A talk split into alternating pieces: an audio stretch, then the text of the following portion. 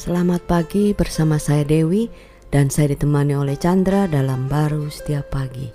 Matius 27 ayat 35 dikatakan, Sesudah menyalibkan dia, mereka membagi-bagi pakaiannya dengan membuang undi. Ini adalah kejadian di mana Yesus itu sebelum disalibkan, dia disiksa, kemudian ditelanjang, uh, dibuka bajunya dan dipermalukan ya istilahnya kan. Nah demikian juga uh, dengan salib Kristus itulah rasa malu kita, ketelanjangan kita itu ditanggungnya ya.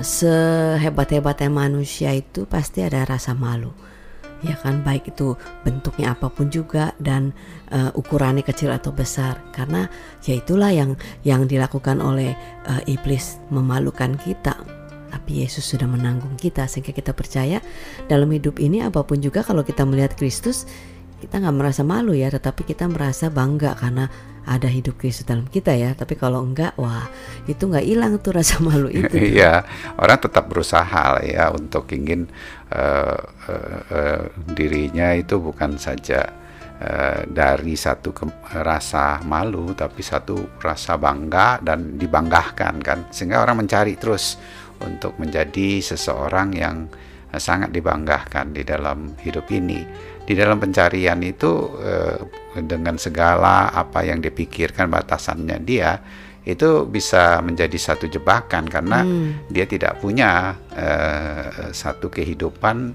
dengan kemuliaan Tuhan yang ada adalah usaha dia menutupi rasa malu dia hmm. dengan uh, usaha dia yang terbatas ini yes. akibatnya orang bisa terjatuh ya lebih jauh lagi. Walaupun kelihatan sementara mungkin oh dia merasa dia mau diakui secara ekonominya. Sebentar dia mungkin kelihatan tapi hmm. sebenarnya segala cara kadang-kadang bisa dihalalkan untuk mendapatkan seperti itu. Hmm. nah, sehingga dia jatuh lebih besar lagi.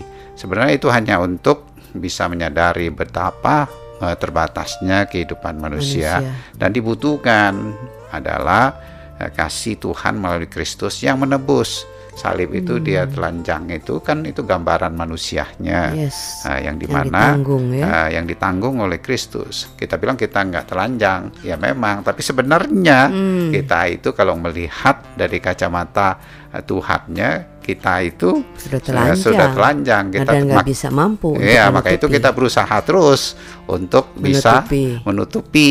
uh, untuk bisa uh, mendapat pengakuan. Hmm. akan uh, bahwa kita itu tidak telanjang. Padahal semakin uh, tidak bisa semakin jatuh terbatas saja tapi kalau kita melihat kepada Kristus kita tidak lagi berusaha karena kita sudah punya. Hmm.